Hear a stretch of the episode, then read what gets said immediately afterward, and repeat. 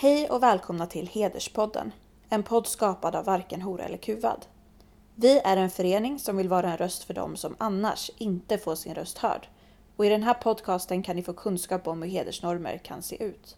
Om ni vill veta mer om hederskultur kan ni läsa vår metodbok Respektguiden som handlar om hur hedersnormer kan se ut och vilka rättigheter de som är hedersutsatta har. Ni kan även läsa Varken hora eller kuvads rapporter 11 och 1200 som kartlägger hedersförtryck i socioekonomiskt utsatta områden i Stockholm och Göteborg. Vi har också en tidning, Förortsfeministen, där vi skriver om hedersnormer. För att ta del av det jag precis har nämnt så kan ni besöka våra sociala medier eller vår hemsida www.fek.se. Där hittar ni även tidigare avsnitt av Hederspodden. I det här avsnittet samtalar två flickor med varandra om hur det har varit för dem att växa upp i en kristen frikyrka. I avsnittet diskuterar de bland annat kyrkans normer såsom krav på att vara oskuld innan äktenskapet och att vara heterosexuell. De som inte lever upp till de här kraven riskerar att bli uteslutna både ur församlingen och från familjen eller släkten. De berättar också vad de har fått erfara på olika kristna läger såsom helande möten och tungotal.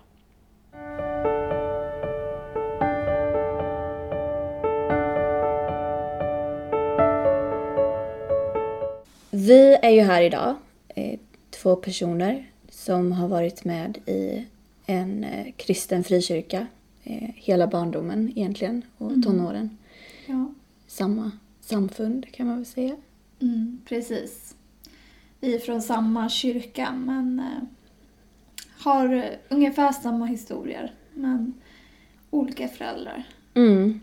Så vi har växt upp i det här och eh, det vi har gemensamt också är ju att vi båda har gått ur det här Mm. eh, kristna frikyrkosamfundet eh, som vi då var med i Precis. när vi var yngre. Mm. Och våra föräldrar är ju kvar Ja. i det här. Mm. Men jag tänker att eh, vi kan ju börja med att prata om liksom, barndomen. Mm. Det var ju ganska speciellt, Ja. Kan man ju lugnt säga. Det var ju begränsningar när det kommer till vilka man fick umgås med, eh, vad man fick eh, göra, vad man fick säga. Eh, Mm. Man blev ju i stort sett hjärntvättad.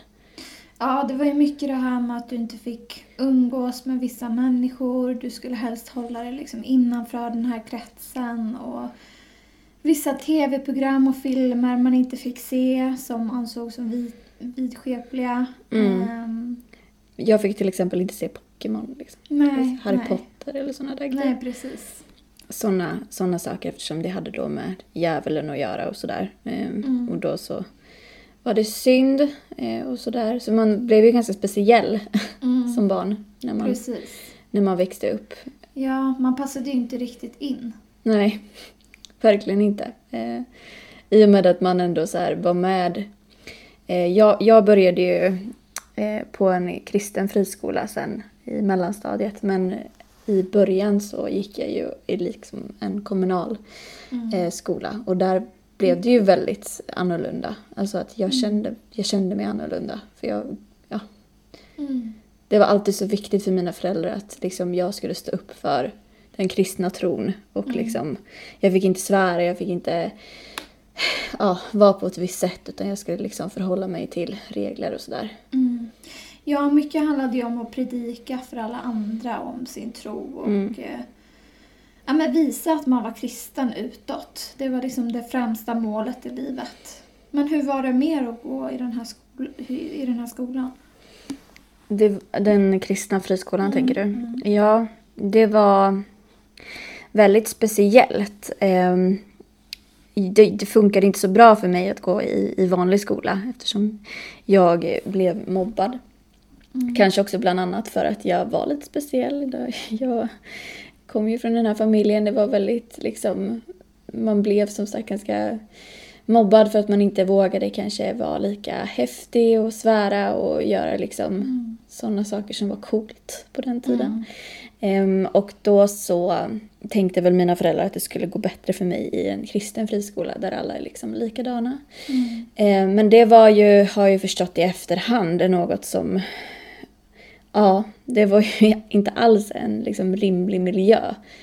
Ehm, till exempel så hade vi inte naturkunskap på det sättet man ska ha naturkunskap. Vi hade bibellära. Där vi, liksom, vi lärde oss i stort sett att liksom evolutionen inte finns. Och, Ja, eh, för det var ju någonting de pratade väldigt mycket om i kyrkan också. Ja. Att eh, evolutionsteorin var liksom... ja, Det var något som var påhittat. Absolut. Mm. Eh, och att eh, det är absolut eh, någonting som liksom, det är djävulen liksom, Mm. som har Precis. hittat på det här och vi vet liksom den sanna vägen och vi kommer komma till himlen, inte någon annan. Mm. Eh, så att man var ju väldigt, ja eftersom man växte upp i det här så var man ju väldigt så hjärntvättad med att det här var rätt synsätt. Det Mm. Ja, trodde ju precis. både du och jag. Och man var väldigt präglad av rädslan inför Gud. Och det var ju liksom på flera plan. Både när man eh, alltså var i skolan, när man umgicks med människor utanför kyrkan, Mm. när man eh, skulle skaffa en pojkvän eller flickvän. Man var hela tiden präglad av den här rädslan som de ville predika om i kyrkan. Mm. Det, det fanns ju vissa normer kan man säga. Man kan ju kalla det Mm. också eh, hedersnormer, skulle, Ja, jag, precis. skulle jag säga. Mm. Det är Hed, hedersnormer är ofta kopplat till liksom, Mm. kanske andra mekanismer som så här, eh, könsstympning och, och tvångsäktenskap och så vidare. Och det finns ju så, såklart olika nivåer Mm. av Självklart. av liksom hedersnormer. Men jag skulle säga att en del av liksom, eh, hederskulturen finns ju absolut i liksom, den svenska frikyrkan. Mm. Eh, än idag liksom, lever kvar där, speciellt då.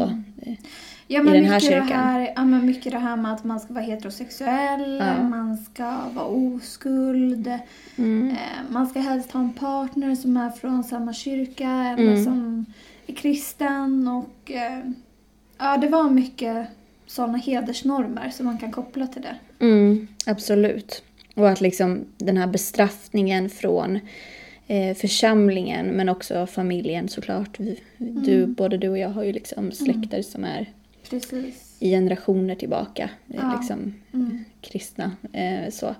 Och eh, gör du fel, alltså kommer det fram, eh, jag vet att både du och jag har några Mm. exempel som vi ska berätta om. Mm. Eh, där vi liksom har, ja men vi, vi har gått emot normen. Precis. Oavsett ifall det var vårt fel eller inte, men liksom Mm. där vi har hamnat utanför. Mm. Eh, och det var ju aldrig okej. Nej, Ja, att inte var liksom den här fina den flickan. ideala Mm. kristna.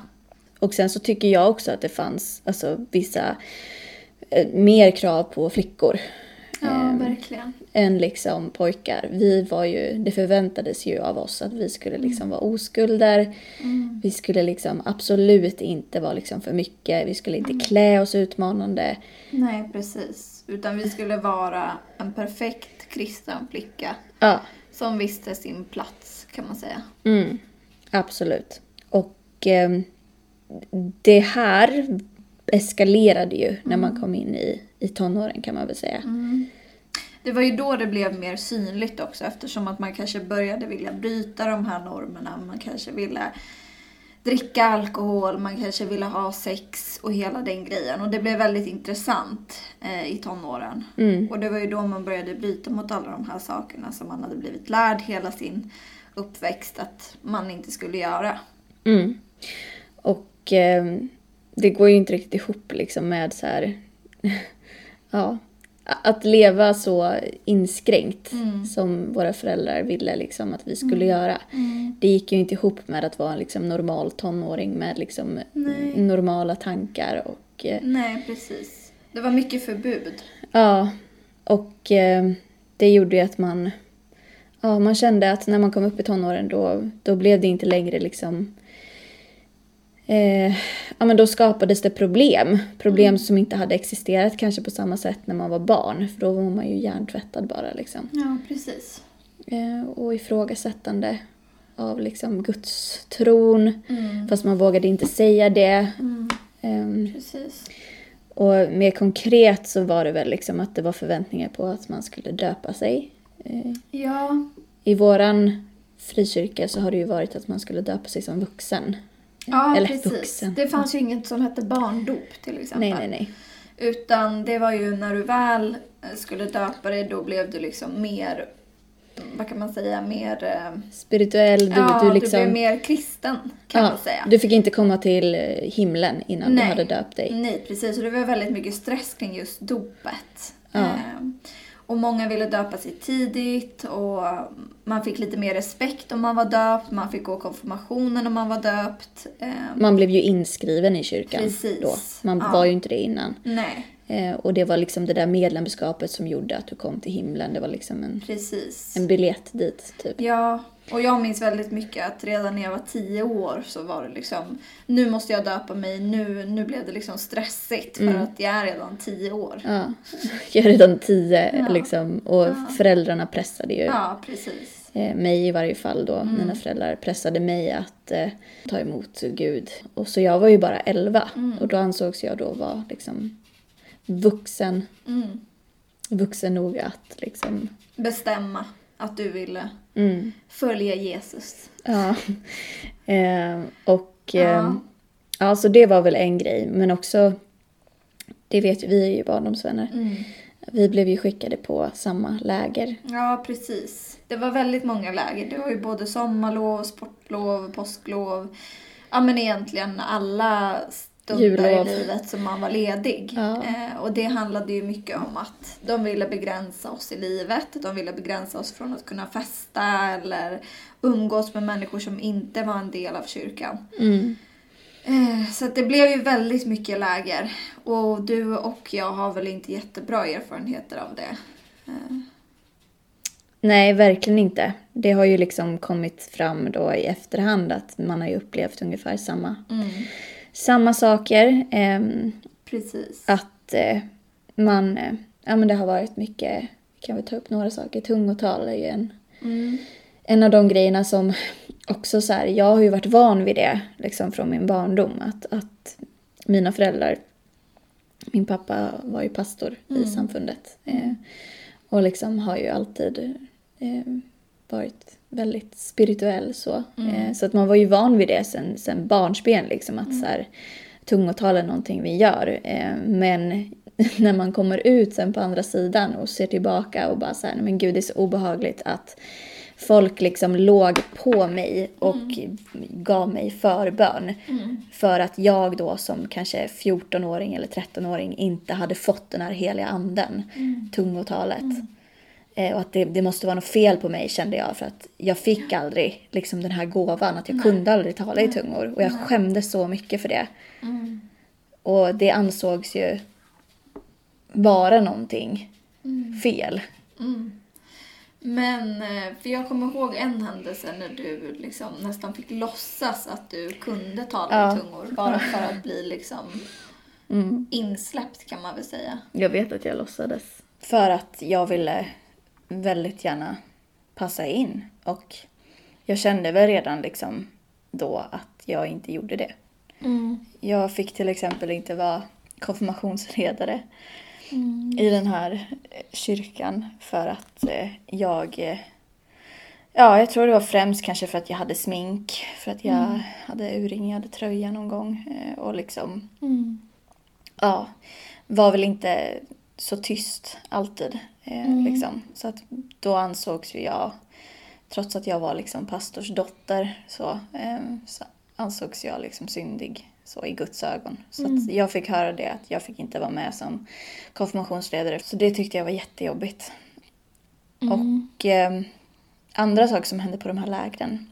Mm. Kommer du ihåg någonting specifikt? Jag var ju specifikt på ett läger eh, under nyår varje år. Eh, och där var det ju väldigt mycket med möten om sex.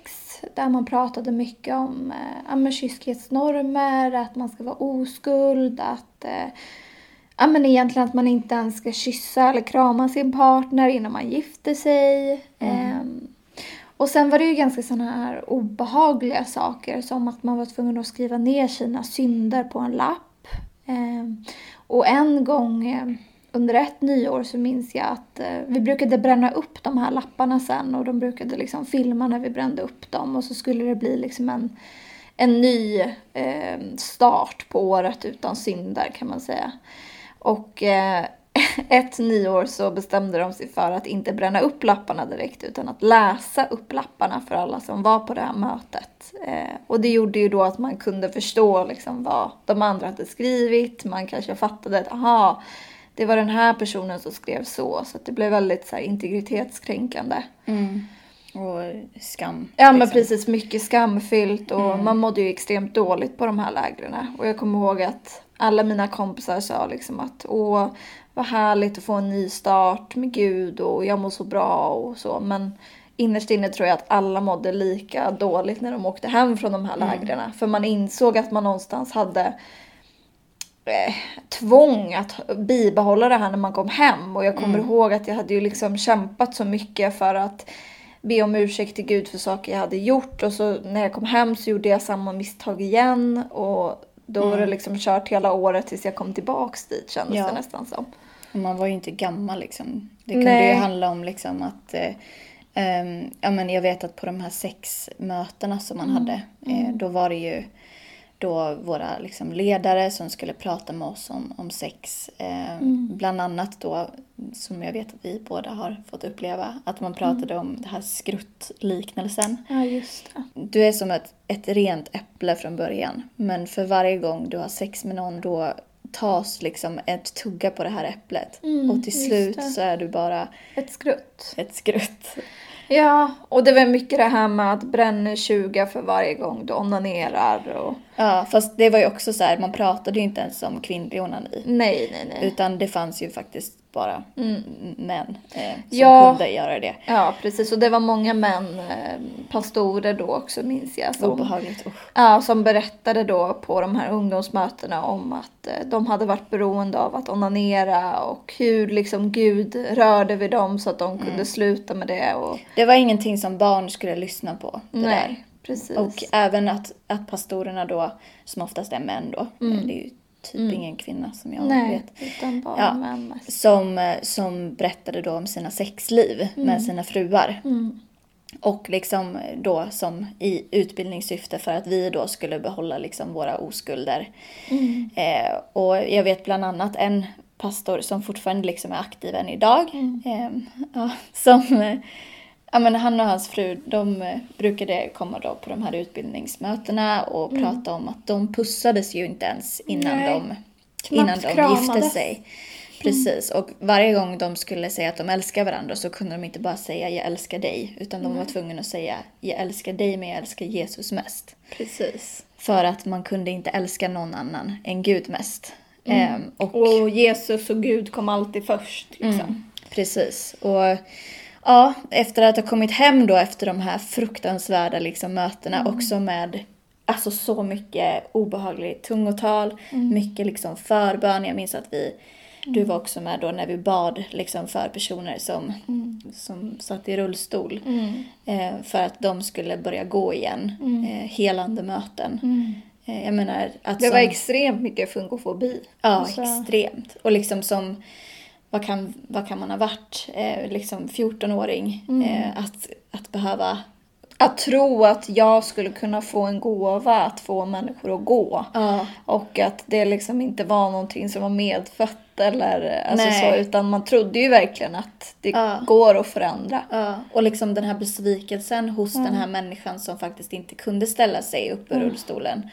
Och liksom besvikelsen hos mig. Och jag, jag vet inte, det var liksom så, men sen att han ändå var tvungen att liksom ha hopp typ. och att precis. man fick aldrig... man fick aldrig liksom klaga utan man skulle bara tänka att en dag kommer någon att hela mig i princip. Ja. Och den, den här, ja, det var så obehagliga möten och, och liksom mycket profetior var ju också en grej. Att, att helt plötsligt kunde typ en manlig ledare eller en pastor ställa sig upp och bara skrika typ rakt ut en profetia som de då fick från Gud, säger de. Ja, och mycket det här att man sa att någon här inne har gjort det här. Du måste komma till mig, be om ursäkt till Gud. Du måste få förbön. Mm. Eh, Så det var mycket sånt och man var ju alltid rädd för att man kände ju ofta igen sig, åtminstone jag, i de här Mm. historierna som pastorerna sa då från scenen. Ja, Eh, absolut. Och man var ju extremt rädd att de bara skulle kolla på en och veta att det var, det var jag, det var mig det handlade om. För i våra ögon så var ju det här liksom, det var ju sant. Och det var ju det som var så obehagligt liksom. Att så här, Precis. de vet vad jag har gjort. Eh, och nu så kommer alla få veta vad jag har gjort. Och nu kommer mina föräldrar få veta vad jag har gjort. Och min släkt. Och nu kommer liksom, ja, jag kommer inte få vara med. Alltså, Nej, precis. det var ju så. Mm. Det var ju det man var rädd för hela tiden. Att de skulle få veta någonting. Precis, eller att bli utesluten helt enkelt. Ja, alltså absolut. Det var ju det som var läskigt.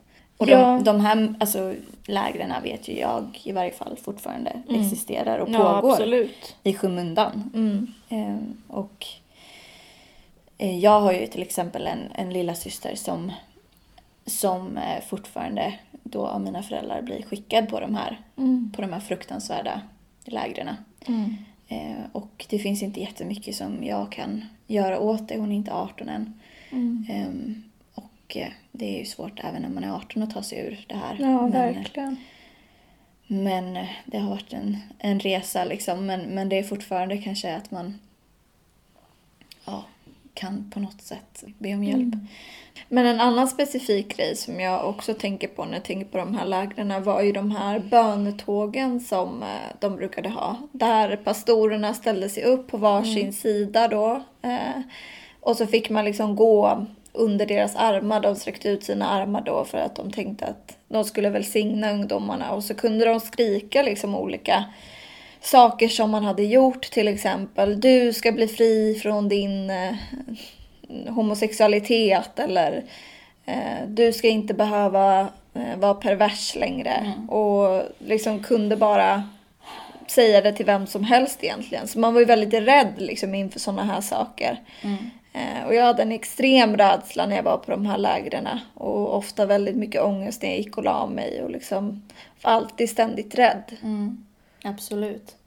Och något som jag också har tänkt på, det, jag nämnde det lite med skolan, men att det var liksom anti-evolution. Det var ju likadant på de här kristna lägren, att man, Mm, man tog dit liksom de här högt uppsatta liksom männen i, inom teologin som skulle liksom komma dit, sätta oss i små rum. Liksom. Vi, var ju, vi kunde ju knappt sitta stilla, vi var ju Nej. små. Liksom, och prata med oss om att det finns, det finns bara en sanning och evolutionen är liksom djävulens verk. Och, ja, ja, det har varit jättesvårt tycker jag att ta sig ur det här tänket. Mm, verkligen. Det tog ju många år innan man förstod att det var fel. Liksom. Och någonstans tror jag att vi alla gick med känslan av att någonting inte riktigt stämde. Men i och med att man var så rädd för Gud och man var så rädd ifrågasätta. Och varann. Så blev, Man var och man rädd var för rädd för varann. Ja. Jag vågade inte ens prata med mina syskon och min pappa är också högt uppsatt då inom den här församlingen eller vad. Och jag var ju rädd för att prata med min familj om det för jag tänkte att de skulle fördöma mig och de skulle utesluta mig också. Mm, precis. Ehm, Vilket jag har förstått på senare dagar också att vi, om vi bara hade pratat med varandra så hade vi kunnat hjälpa varandra och ta oss ur det. Men eh, vi vågade ju aldrig riktigt göra det. Nej, det skapade ju en distans oss emellan. Liksom. Eh, Alla ungdomar för att vi vågade inte prata med varandra. Precis. Och många är ju fortfarande kvar än Mm. idag. Liksom. Ehm, Men ehm, det var ju några sådana hinder som, alltså, på vägen. Mm. Till exempel du hade ju en, ett ganska stort problem när du var, hur gammal var du då? 14? Mm, när jag var 14 så blev jag ju gravid. Eh, och det var en extrem stor tabu. Mm. Man pratade ju ofta i kyrkan om att det var liksom ja, men mord. Eh, Att göra en abort till exempel. Så jag kommer ihåg när jag fick reda på det så var det ju en extrem skam och skuld. Eh, Och jag la väldigt mycket skuld på mig själv. Och jag vågade inte berätta det här för mina föräldrar. Men eftersom att jag var under 18 så var jag ju tvungen att berätta för dem för att man måste ha en vuxen med sig till aborten.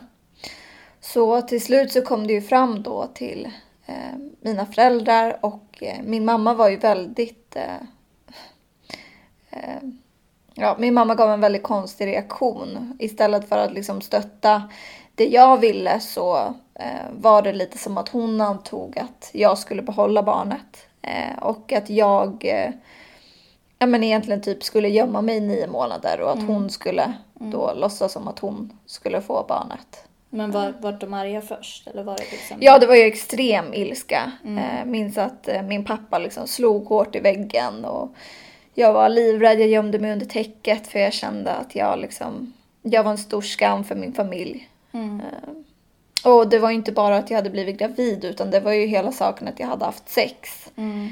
Och det var ingenting de var riktigt medvetna om att det skedde. Så det var ju också någonting som blev väldigt stort. Mm. Eh, Ja, och Men- det var ju väldigt svårt också och att de accepterade då att jag skulle göra en abort. Det tog ganska lång tid och det var många veckor där som eh, blev väldigt jobbiga där vi var väldigt tysta i familjen, vi pratade inte med varandra och eh, jag minns den tiden som extremt jobbig innan aborten. Mm. Och det är ju ingenting vi har pratat om heller efteråt egentligen i familjen. Utan det har tystats ner väldigt mycket och det är också många i min släkt som är med i pro-life-rörelsen till exempel. Och, och det har jag förstått att det är i din med ju. Mm. Ja, absolut. Det är ju ganska vanligt liksom inom den här kretsen att man, att man är med i pro-life. Liksom. Ehm, och att man har de åsikterna om att så här, blir man gravid då får man ta konsekvenserna av det oavsett vad det är, liksom, om man är ett barn eller ifall man blir våldtagen eller vad det kan vara. Utan att du ska föda det här barnet för annars är du en mördare. Precis. Ehm, Och men Jesus har ju satt det här barnet då till, plan. Liksom. till eh, världen av en anledning. Så. Mm. Ehm, ja. Och sen så, men du gjorde abort, eller hur? Ja, precis. Jag gjorde ju en abort. Eh, Men den var ju inte särskilt uppskattad av mina föräldrar. Och det var ju ingenting jag berättade för någon inom kyrkan eller eh, någon av mina vänner där. Mm. Utan det tystades ju ner väldigt mycket. Och det var ju någonting jag fick bearbeta jättemycket senare i livet. Mm. Men din, dina föräldrar ville alltså att du skulle få barnet och att de skulle uppfostra det då och Mm. Ja. låtsas att det var deras? Ja, och att det blev mitt syskon då liksom. Ja. Mm. Hur gammal var du? Var du 14? Ja, jag var 14 då. Ja. Ja, och du var väl också med om eh, väldigt jobbiga händelser i, i din tonår? Ja, en, en eh, sak var väl att när jag började plugga på universitet, vilket eh, blev liksom lite av en sån eh, väg till frihet tror jag för mig. Eftersom då behövde jag inte bo hemma längre. Man behövde inte liksom den här kontrollen på samma sätt. Även fast Ja, föräldrarna har väl alltid haft sina sätt att kontrollera en. Om det, så om det inte är att man bor hos dem, då har det varit liksom genom appar i telefonen. Ja, där precis. de alltid kollar liksom vart man är och sådär. Ehm, men, men det var ändå liksom en, en ny tid. Ehm, sen berättar ju jag absolut inte vad jag gjorde på liksom, när jag hade flyttat hemifrån liksom, eh, så, för mina föräldrar. Utan det där var ju bara, alltså, allt var ju smyg. Men jag tror inte jag kunde liksom hantera den här eh, nyvunna liksom, friheten som jag fick när jag ja, när jag flyttade hemifrån. Eh, utan jag, eh, ja, jag festade väldigt mycket liksom, och, och drack väldigt mycket alkohol. Liksom, och försökte ta igen kanske allt som man inte hade fått göra när man liksom hade bott hemma och varit väldigt kontrollerad. Ja, och jag tror att det blev så att man ville nästan bli en rebell bara för att man aldrig hade fått göra de här sakerna innan. Mm. Och på något sätt så, de trodde väl fortfarande att jag var deras lilla flicka som var liksom duktig. eh, Och det var väl också därför man eh, släpptes fri till viss del. Liksom. Eh, men att, ja, det var ju hemlighet som man gjorde andra saker. Och då så i varje fall så gick jag med en kille hem, vilket är så här, det är ju fullt rimligt när man är tonåring och så vidare. Ehm, och eh, blev våldtagen, vilket eh, jag då valde att inte berätta för någon. Eh, och inte anmäla. Eh, för att jag, eh, ja, jag skämdes så mycket och jag visste att så här, om det här kommer fram så ja, så kommer inte mina föräldrar bli glada och de kommer i- berätta det för min släkt. Eh, som inte heller kommer bli glada. Och liksom, ja, men på något sätt att det skulle förstöra ens rykte liksom. Och att det, det var så pass jobbigt att jag valde att bara lämna det här. Ehm, och sen flera år senare när det var i samband med metoo, liksom den här vågen som kom. Så då hade jag ju bott hemifrån ett bra tag liksom, och, och lyckats frigöra mig mer. Och då valde jag att skriva om det här på sociala medier, det här övergreppet som jag var med om. Ehm, och då så var det liksom ingen från min familj som... Jag vet att de såg det, men det är ingen som har pratat med mig om det i efterhand. Alltså det är som att det... Jag var ganska rädd för att lägga upp det från första början. Ehm, och jag skulle inte gjort det ifall det var liksom att jag fortfarande bodde hemma.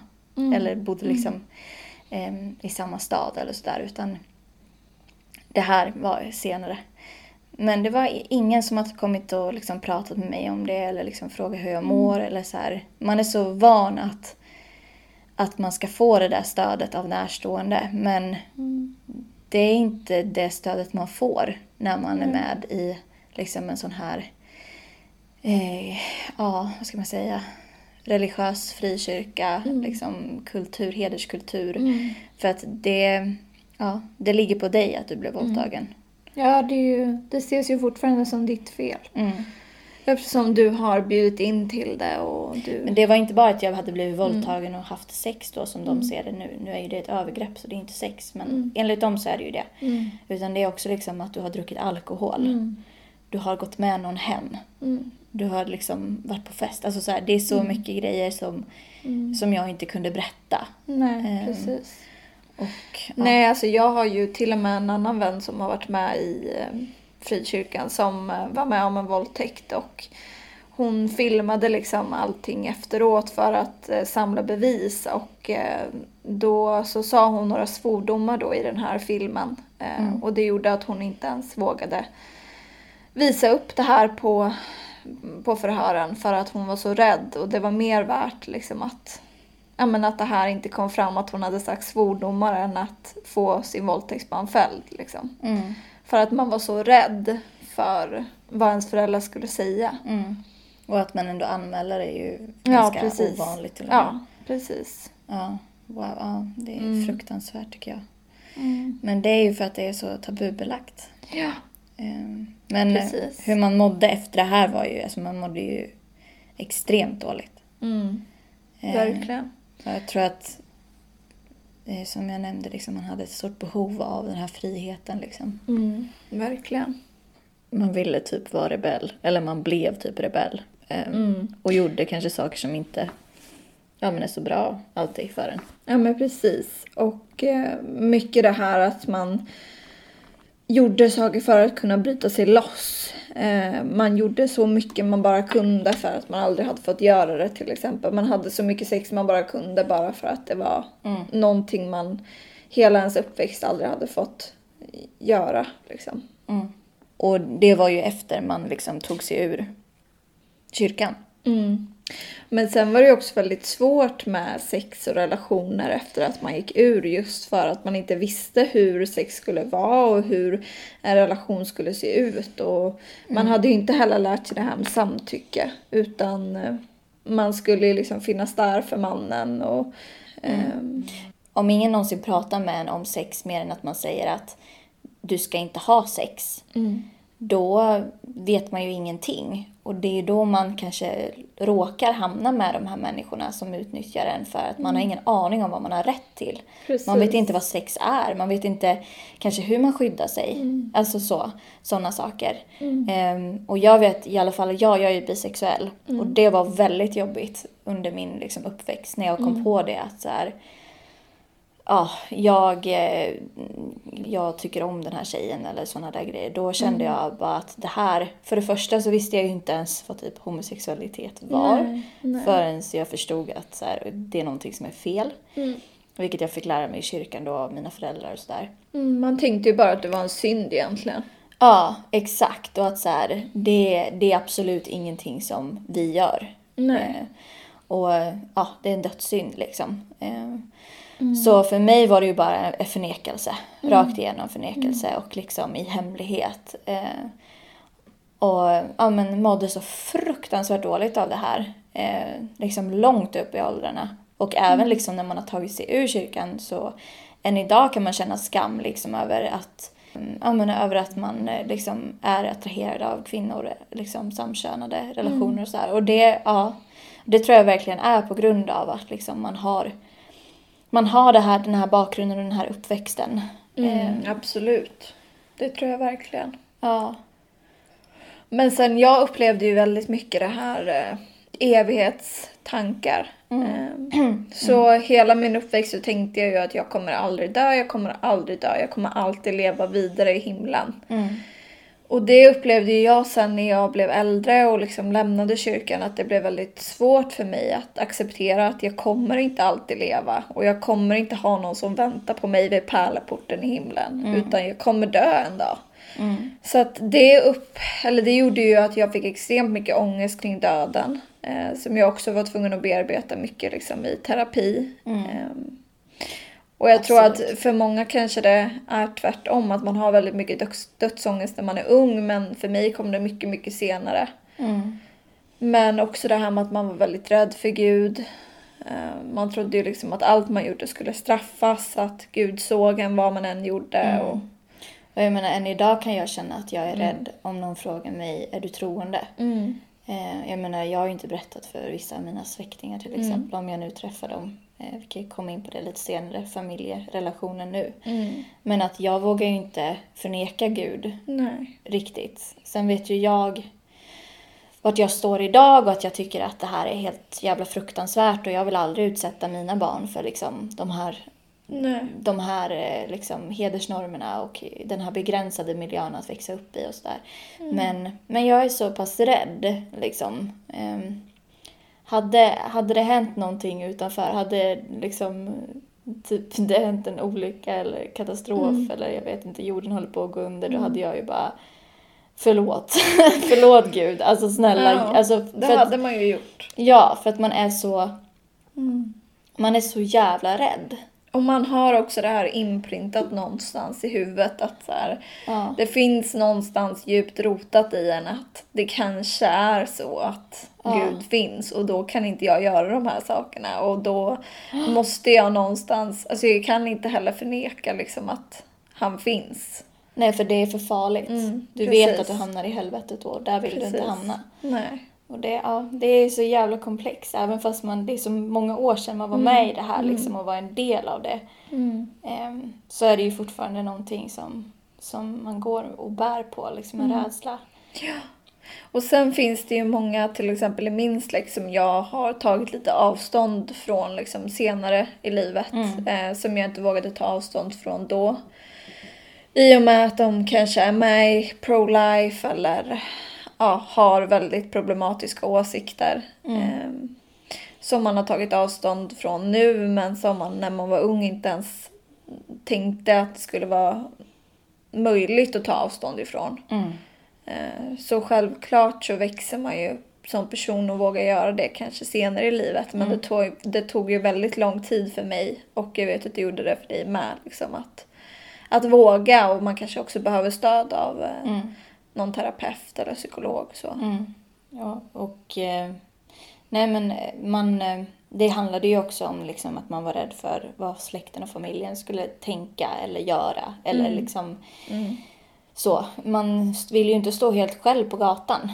Nej, För precis. det var väl det jag var rädd för, i alla fall när det kommer till min sexuella läggning. Liksom, att om, om det var så att jag skulle bli kär i en tjej och liksom, Mm. det skulle komma fram att, att jag skulle bli utkastad. Eh, och liksom vänd ryggen. Och det var ju allting jag hade. Ja. Idag har ju jag mycket annat att leva för, tack och lov. Mer Mm. än liksom, eh, en familj, liksom, grundfamiljen så, som man växt upp i. Det, Mm. Och idag har ju de en Ja, de, jag skulle säga att de vet om att jag har lämnat dem förut och det har gått månader utan att jag har pratat med dem. Liksom. Mm. Ehm, och det är ju på något sätt någonting som de är medvetna om och då vågar de inte lägga sig i lika mycket i mitt liv längre som de gjorde när jag var tonåring och, och liksom så. Mm, precis. Så, Så är det ju för mig med idag. Mm. Mm. Att man liksom ändå, men det beror ju också på att jag i alla fall, du, jag vet att du också gjort det, Mm. eh, eftersom vi kommer från samma stad, har liksom flyttat Mm. långt bort. Precis. Och att det någonstans också kan få bli en räddning. Att man inte är kvar i samma stad, man är inte kvar i Mm. samma normer, strukturer med samma människor. Eh, Mm. liksom, och att man fick börja om lite. Och jag tror att det gjorde också att man kanske vaknade upp och insåg att det här var helt sjukt det man levde i. Mm. Men sen det är klart att man är försiktig. Jag menar, du och jag gör det här anonymt. Mm. För att jag skulle aldrig vilja att min släkt eller min familj får reda på att jag pratar på det här sättet. För att det hade kanske varit... Ja, det hade inte varit kul för mig. Mm. Det hade inte blivit ett bra rykte. Nej. Vilket jag kanske inte har ännu Nej. heller. Men Men det är så tabubelagt också att prata om vad man har blivit utsatt för. mm, Eftersom att det handlar mycket om att tysta ner i kyrkan och att vi inte ska prata om våra upplevelser. det är och vi fick, ja, precis. Och vi fick ju ofta höra liksom att... Jag kommer ihåg en gång när jag pratade med en ungdomspastor och att jag pratade om att jag hade varit med om jobbiga saker på läger och att hon eh, ja, men, tystade ner mig och sa liksom att vi pratar inte på det här sättet. Och, ja, det är en väldigt stor del av kyrkan att det, att det är en tystnadskultur. Liksom. Vi pratar inte om det som är fel utanför. Nej. Och sen så... Ja, som sagt så använder de ju sig av de här taktikerna att man blir utestängd Mm. ifall man gör fel. Jag vet att några av mina vänner vet jag till exempel hade en relation och flyttade ihop. Liksom, de var ju över 18 liksom. Det togs inte emot bra av kyrkans Mm. ledning så de blev ju utkastade för att de hade flyttat ihop då innan äktenskapet.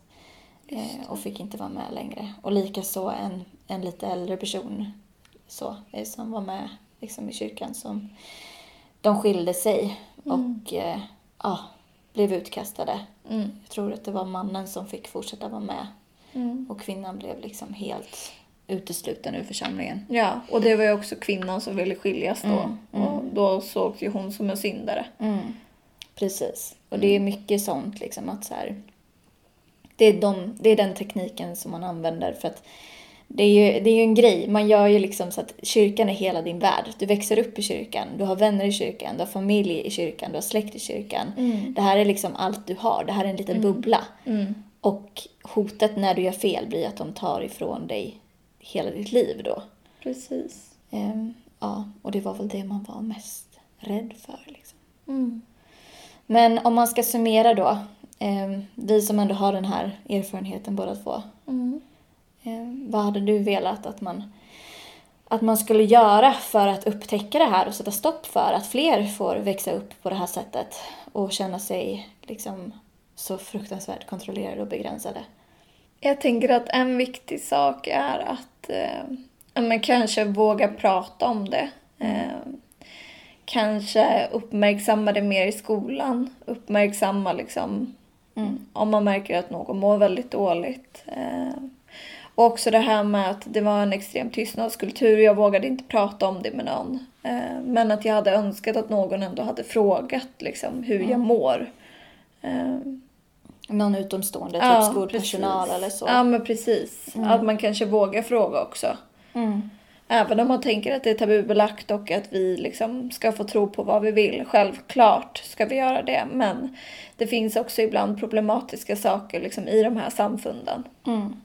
Och eh, ja, precis. Och det som händer är ju när man tvingar på ett barn en religion Mm. på det sättet. Precis. Man kan ju inte tänka själv. Man, man har ju inte rätt att vara kritisk. Nej, Eh, precis. Man kan inte vara kritisk när man är liksom Nej. så, så ung. Ehm, och ja, då är det ju ingen religionsfrihet heller jag Nej, tänka. och jag tänker det är också jätteviktigt att prata om. Typ Mm. att alla ska få välja själva och liksom att det ska finnas ett samtycke till att man vill ens vara med i kyrkan och Mm. liksom tro på det här som ens föräldrar tror på. Eh, För det är ingen självklarhet. Ja, jag skulle vilja, som sagt, också som du säger, att man pratade mer om liksom, ens rättigheter, att man verkligen tryckte på det mer i skolundervisningen. Att skolhälsokontrollen skulle kunna innebära att man också frågar hur det är hemma. Mm. Eh, känner du dig förtryckt? Eh, Precis. hur, liksom, hur är dina föräldrar mot dig? Mm. Eh, har det här hänt dig? Har det här hänt dig? Jag Mm. tror verkligen att det hade varit så skönt för mig att få höra från en annan vuxen för jag hade inga andra vuxna i mitt liv. Jag Nej. hade inga som, som liksom kunde berätta någonting annat än Nej. den kristna tron. Och specifikt när jag började liksom i den här Mm. eh, religiösa friskolan. Där fanns ju ingen som Nej, inte... verkligen inte. Och jag tänker att då är det också ännu mer viktigt att man vågar fråga för att när man lever i en sån pass eh, alltså, tystad kultur att vi ska inte prata om det här, vi ska inte prata om hur vi känner, hur vi mår. Mm, Då är det ännu viktigare att man faktiskt får frågan mm, eh, så att man vågar berätta. mm, Och att man har trygga vuxna i sin närhet. mm. Precis. Ehm, och jag tänker också en sak till då kopplat till skolan, det är väl att att religiösa friskolor som liksom cementerar hedersförtryck, att Mm. de borde stängas ner. Eh, Att Skolinspektionen måste granska de Mm. skolorna och faktiskt våga stänga ner dem. För att Precis. det, ja, det är saker för sig går där inne och det är, ja, man måste vara mer noggrann när man gör de här kontrollerna för att ungdomar mår inte bra. Eh, Nej. det, man förstör människors liv och Mm. Ja, här kan ni se två exempel på, på det. Ehm, Så det är väl någonting jag också har tänkt på som jag vill liksom föra fram, att så här, hur viktigt det är att vi, vi pratar om de här skolorna och de här samfunden. Tack så jättemycket för att vi fick vara med. Tack.